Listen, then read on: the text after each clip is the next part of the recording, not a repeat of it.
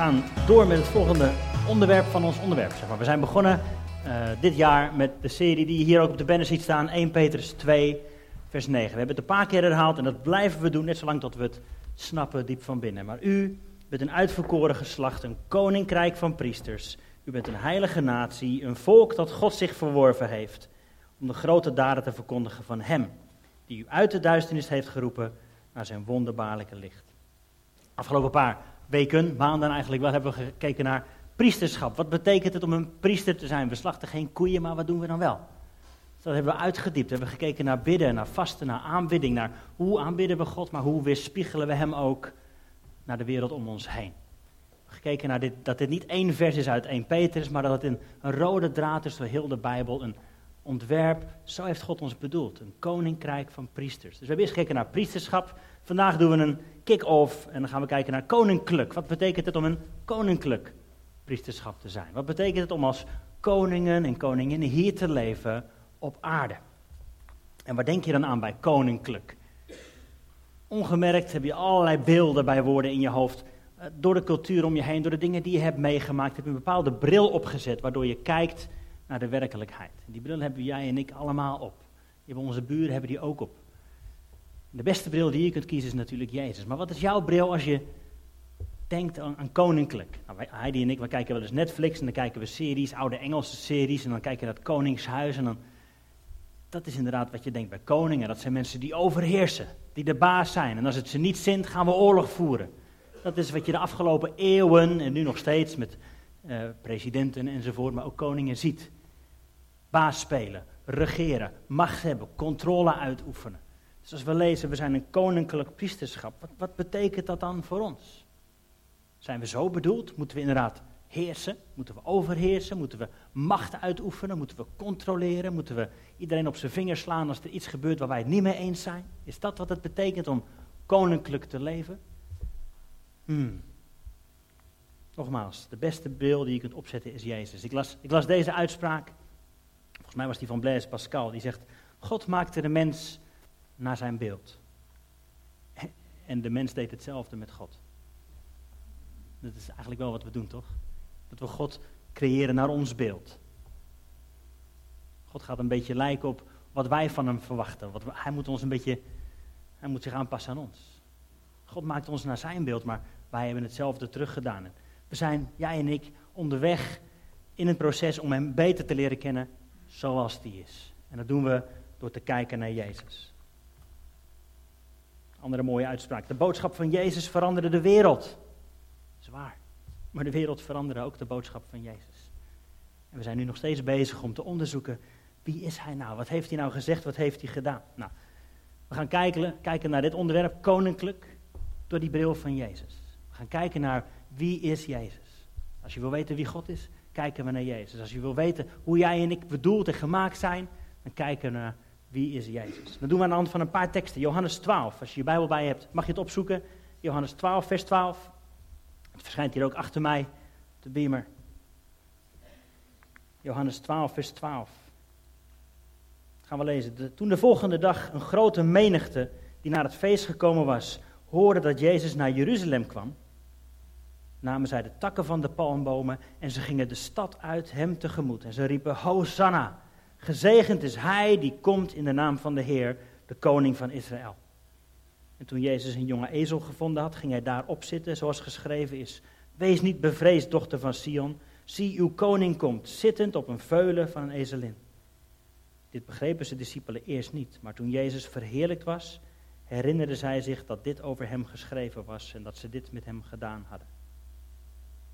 De intocht in Jeruzalem is dit. Jezus die op een ezel de stad binnenkomt. Jezus die op een ezel de stad binnenkomt. De ezel was vroeger ook een koninklijk rijdier. Maar dan vooral voor koningen in tijden van vrede. Het was nog steeds een koninklijk rijdier, maar dan in tijd van vrede.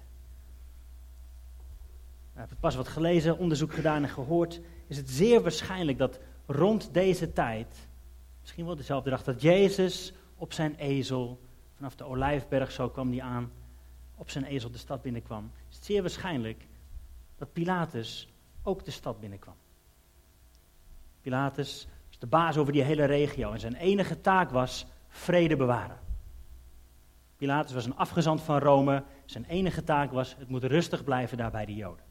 Als dat niet gebeurde, had hij een probleem. Het was deze tijd rond Pasen, Pascha. En wat vierden de Joden dan? Ze, gedachten, ze dachten eraan dat ze ooit bevrijd waren uit onderdrukking.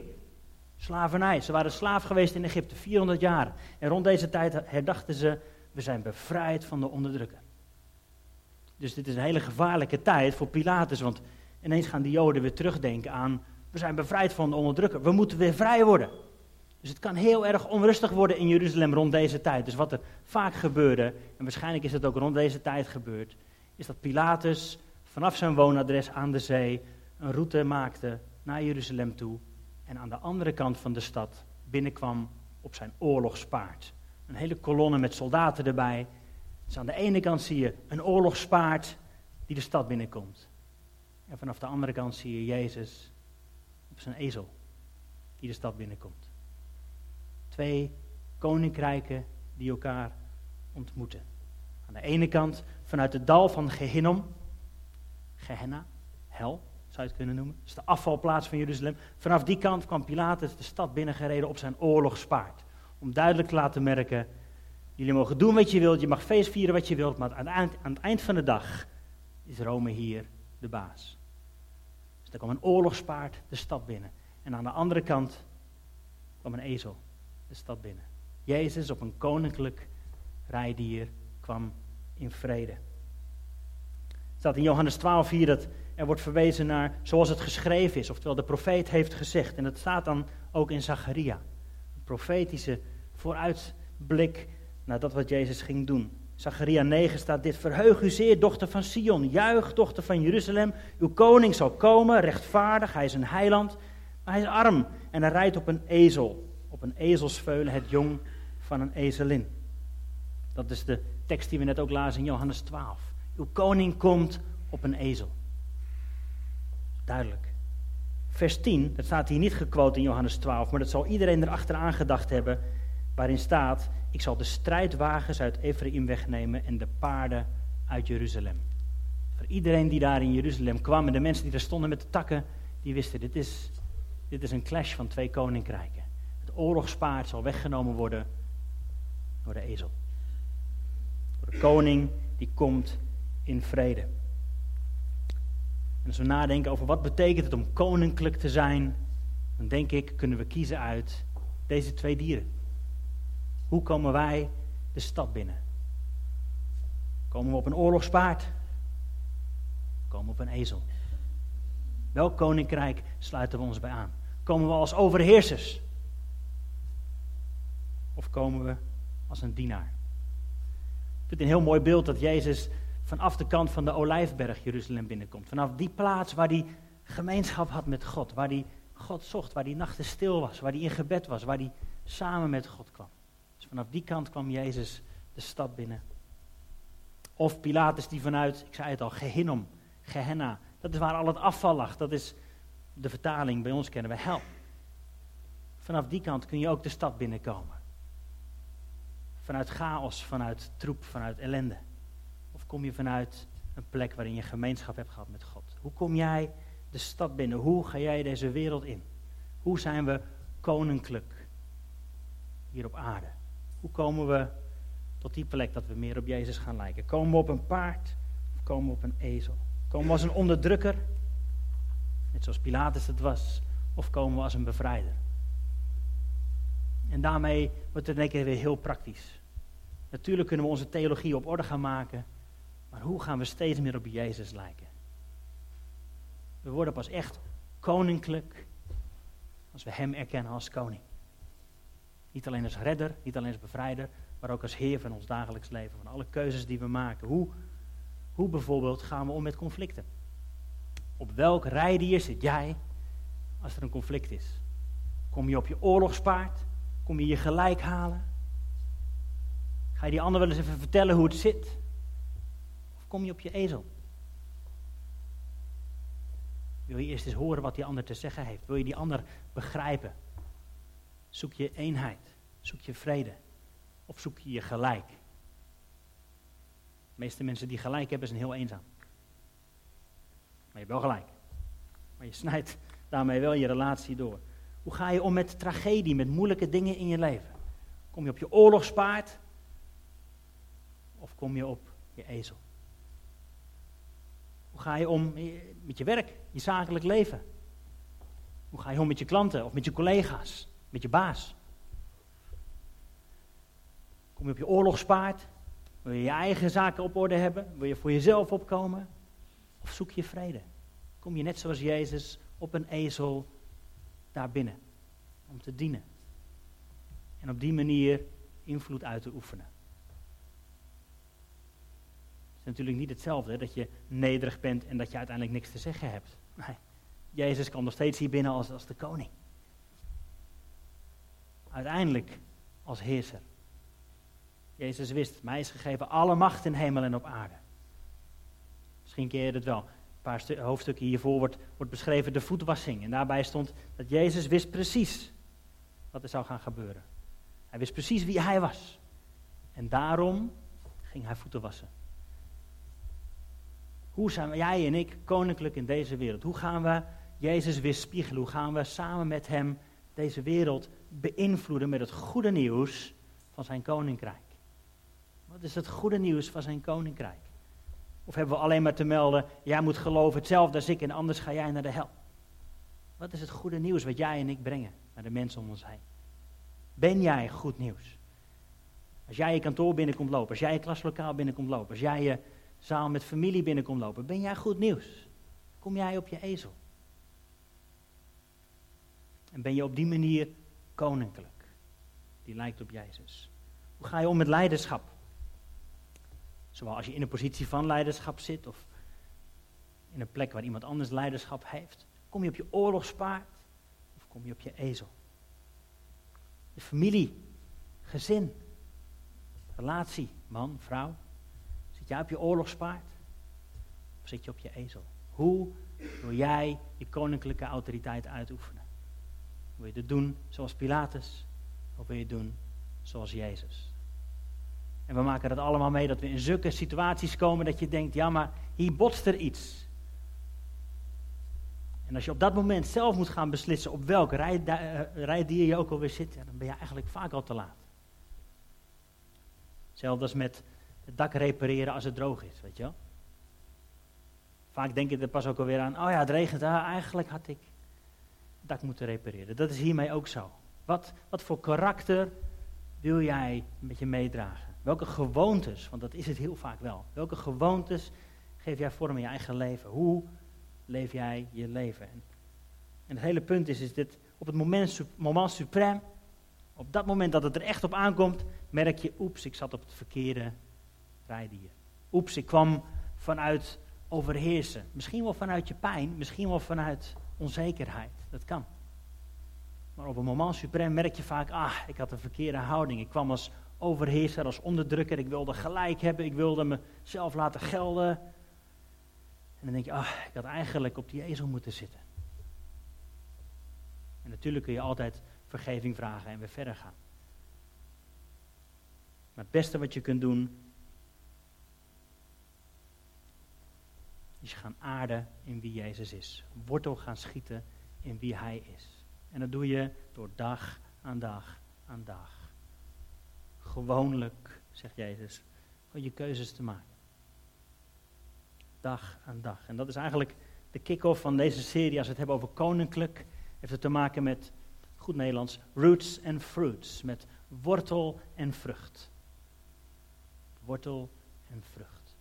Dit wat we nu beschrijven, hè, dat gedrag wat past bij, bij iemand die komt op een ezel. Dat heeft te maken met, met vrucht die je draagt. Dat wat zichtbaar is. Het is zichtbaar dat je Jezus volgt. Ik hoorde pas ook een uitspraak van iemand die zei: Oh, ik zou, ik zou zo graag eigenlijk een datum willen weten nog dat ik, dat ik me echt bekeerde. Ik weet niet of jij zo'n datum hebt dat je weet, ja, maar dat was 3 eh, september 1985, weet ik veel. De meesten hebben misschien helemaal niet zo'n datum. Nou moet ik eerlijk zeggen, op de dag dat ik geboren ben, ik was er wel bij, maar zoveel weet ik daar niet meer van.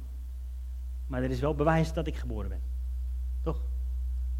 Dat geldt ook voor jou in mijn christelijk leven. Misschien weet je die dag niet meer, maar laat er alsjeblieft wel bewijs zijn dat die dag er was. Dat je ja hebt gezegd tegen Jezus. Dat de vrucht in je leven zichtbaar is. En dat kan alleen maar als je wortel schiet in Jezus. Koninklijk gedrag, koninklijke autoriteit en invloed heeft alles te maken met vrucht dragen. Dat is hoe Jezus het noemt in Johannes 15, waarin hij zegt: Ik ben de ware wijnstok. Mijn vader is de wijngaardenier. En elke rank die in mij geen vrucht draagt, neemt hij weg. En elke rank die vrucht draagt, reinigt hij, opdat ze meer vrucht draagt. U bent al rein vanwege het woord dat ik tot u gesproken heb. Blijf in mij en ik in u. Zoals de rank geen vrucht kan dragen uit zichzelf, als ze niet in de wijnstok blijft. Zo ook u niet, als u niet in mij blijft. Ik ben de wijnstok, stok, u bent de ranken. Wie in mij blijft en ik in hem, die draagt veel vrucht. Want zonder mij kunt u niets doen. Als iemand niet in mij blijft, wordt hij buiten geworpen zoals de rank en verdord. En men verzamelt ze en werpt ze in het vuur en ze worden verbrand. Maar als u in mij blijft en mijn woorden in u blijven, vraag wat u wilt en het zal u ten deel vragen. En dat laatste is heel belangrijk. Hierin wordt mijn Vader verheerlijkt dat u veel vrucht draagt en mijn discipelen bent. Dat is wat mij betreft een fantastische samenvatting van wat het betekent om koninklijk te leven. Vrucht dragen voor onze Vader. Laat zien dat je discipel bent. Is het belangrijk om te weten dat je naar de hemel gaat uiteindelijk? Oké, tuurlijk. Maar wat betekent het om vandaag je kruis op je te nemen? Vandaag wortel te schieten en vandaag vrucht te gaan dragen. En vrucht dragen is altijd een lange termijn project. Toch? Ik ben niet zo'n wijngaarder niet, maar dat weet ik wel. Vrucht dragen kost tijd, kost een dagelijkse keuze. Blijf in mij. En dan gaan we vrucht dragen, zoals dat staat in Galaten 5, de vrucht van de geest. Dat wat zichtbaar wordt door je leven, dat wat zichtbaar wordt als je op die ezel rijdt. Als je in vrede komt en als je op Jezus lijkt, dan is dit de vrucht die je gaat dragen. Liefde, blijdschap, vrede, geduld, vriendelijkheid, goedheid, geloof, zachtmoedigheid en zelfbeheersing. Dit zijn de mensen met wie je op wilt trekken, toch? Dit is de persoon die je wilt zijn. Toch? Dit is hoe je op je werk binnen wilt komen. Dat mensen zich vertrouwd bij je voelen, dat ze je vertrouwen. Dat ze zien, je hebt iets. Waar ben jij in geworteld? Hoe heb jij je leven gebouwd? En het zijn de dagelijkse keuzes. En nogmaals, je kunt één keer besluiten om op die oorlogspaard of op het ezel te zitten. Maar het zijn de dagelijkse keuzes die bepalen hoe je door het leven rijdt. Hoe je je wereld binnenrijdt. En hoe doe je dat? Vrucht dragen. Dan komen we weer terug bij wat Jezus zei. Blijf in mij. Remain in me, in het Engels. Blijf in Jezus. Wortel in Hem. Heb gemeenschap met God en mensen. Dan komt het weer terug op wat is jouw gewoonte. Thuis. In je Bijbel. In je gebedstijd. Maar ook wat is je gewoonte hoe ga je, hoe ga je met mensen om? Het is goed om af en toe elkaar eraan te herinneren. Weet je, skip je samenkomsten niet zomaar. Het is belangrijk dat je met elkaar optrekt. Waar je mee omgaat, word je mee besmet. Merkt, als je met mensen optrekt die ook achter Jezus aan willen. Die ook van hem houden. Die ook voor hem gekozen hebben. Die ook vrucht willen dragen. Dat, dat steekt je aan. Daar word je enthousiast van maakt het leven niet altijd makkelijk, want soms zijn zulke mensen ook lastig om mee om te gaan. Samen maak je elkaar mooier. Het is belangrijk om samen God te zoeken. Wij hebben het heel individualistisch gemaakt. Hè? Als ik mijn gebedje bid, dan ga ik naar de hemel. God weet, we zijn, we zijn gezelschapsmensen. We hebben anderen om ons heen nodig die ons vooruit stuwen. Die ons soms bij de hand nemen. Dat is ook wortelen in Jezus is gemeenschap hebben met de juiste mensen. Optrekken met de mensen om je heen die ook van Jezus houden. Natuurlijk, ik zei het al, bidden, Bijbel lezen, je tijd met God nemen. Belangrijk vinden wat Hij belangrijk vindt. Dat is iets. We, hebben graag dat Hij onze redder is. Hij is onze heiland. Ja, Hij is gestorven voor onze zonden. En daarom mogen we voor eeuwig met Hem leven. Amen. Dat weten we dat het waar is en daar zijn we enthousiast over. Hij is onze redder, maar mag hij ook onze koning zijn? Mag hij ook onze Heer zijn? En dat betekent dat we belangrijk gaan vinden wat hij belangrijk vindt. Dat we verdrietig worden om waar Hij verdrietig om wordt. Dat ons hart gebroken wordt om die dingen waar Zijn hart om gebroken wordt. Dat we enthousiast zijn voor waar Hij enthousiast voor is. Dat betekent dat, dat Hij je Heer is. Dat je op Hem gaat lijken en Jezus zegt, je bent mijn vriend als je doet wat ik zeg. Dat is wel de relatie die we met Hem hebben. Hij is onze Heer. Mag Hij ons vormen, mag Hij ons kneden, mag Hij ons steeds meer vrucht laten dragen. Mag Hij ons snoeien. Laten we zo deze serie induiken als we gaan kijken wat betekent het om koninklijk te leven. Om te leven met koning Jezus. Is dat we in Hem blijven. Dat we geworteld zijn in Hem. En dat het een dagelijkse keuze is. En uiteindelijk merk je, als je dagelijks je keuzes maakt, dat je steeds vaker op die ezel klimt. Dat je komt als een dienaar. Dat je komt om mensen vrij te maken. Dat je komt om mensen te zegenen. In plaats vanuit je, misschien je angst en je onzekerheid op dat oorlogspaard te klimmen. Want als ik niet voor mijzelf ook kom, doet niemand het. Het is niet de plek van Jezus. Jezus kwam als een dienaar. En ik hoop dat jij ook, net als ik, net als wij, steeds meer op hem wil lijken. Steeds meer dat koninklijke leven gaan leiden. Zit het op een ezel. En vrucht dragen voor onze vader. Heel bekend verhaal waar ik me op wil sluiten over een opa die aan zijn kleinzoon uitlegt hoe, hoe het leven werkt. Hoe de keuzes maken werkt. Die opa zegt, jongen, het lijkt wel of er twee honden in mij vechten. Een goede hond die goede dingen wil doen. Maar ook een, een hond die slechte dingen wil doen. Die kwaad denkt over andere mensen. En ze vechten met elkaar. Opa, zegt die jongen, welke hond wint er dan? Die hond die ik het meeste te eten geef. Die gaat winnen. Welke hond geef jij te eten? Welk rijdier kom jij de stad binnen? Kom je op je oorlogspaard? Of kom je op je ezel? Zullen we gaan staan?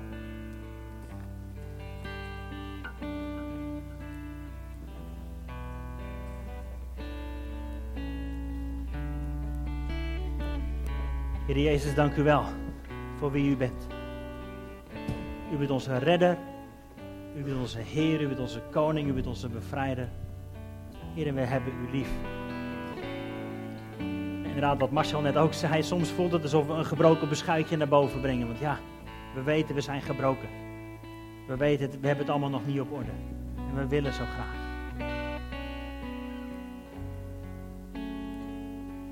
Je leert ons om ons steeds meer te wortelen in u, in uw genade, in uw liefde, in wie u zegt dat we zijn. Niet in wat de wereld over ons zegt. Niet vanuit onze onzekerheid en angst en pijn, maar vanuit uw liefde, die alle angst uitdrijft. Zo willen we vrucht gaan dragen.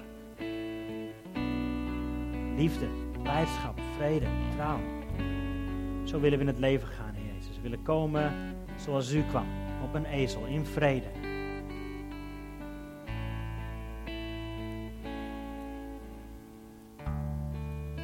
Heer, wij houden van u.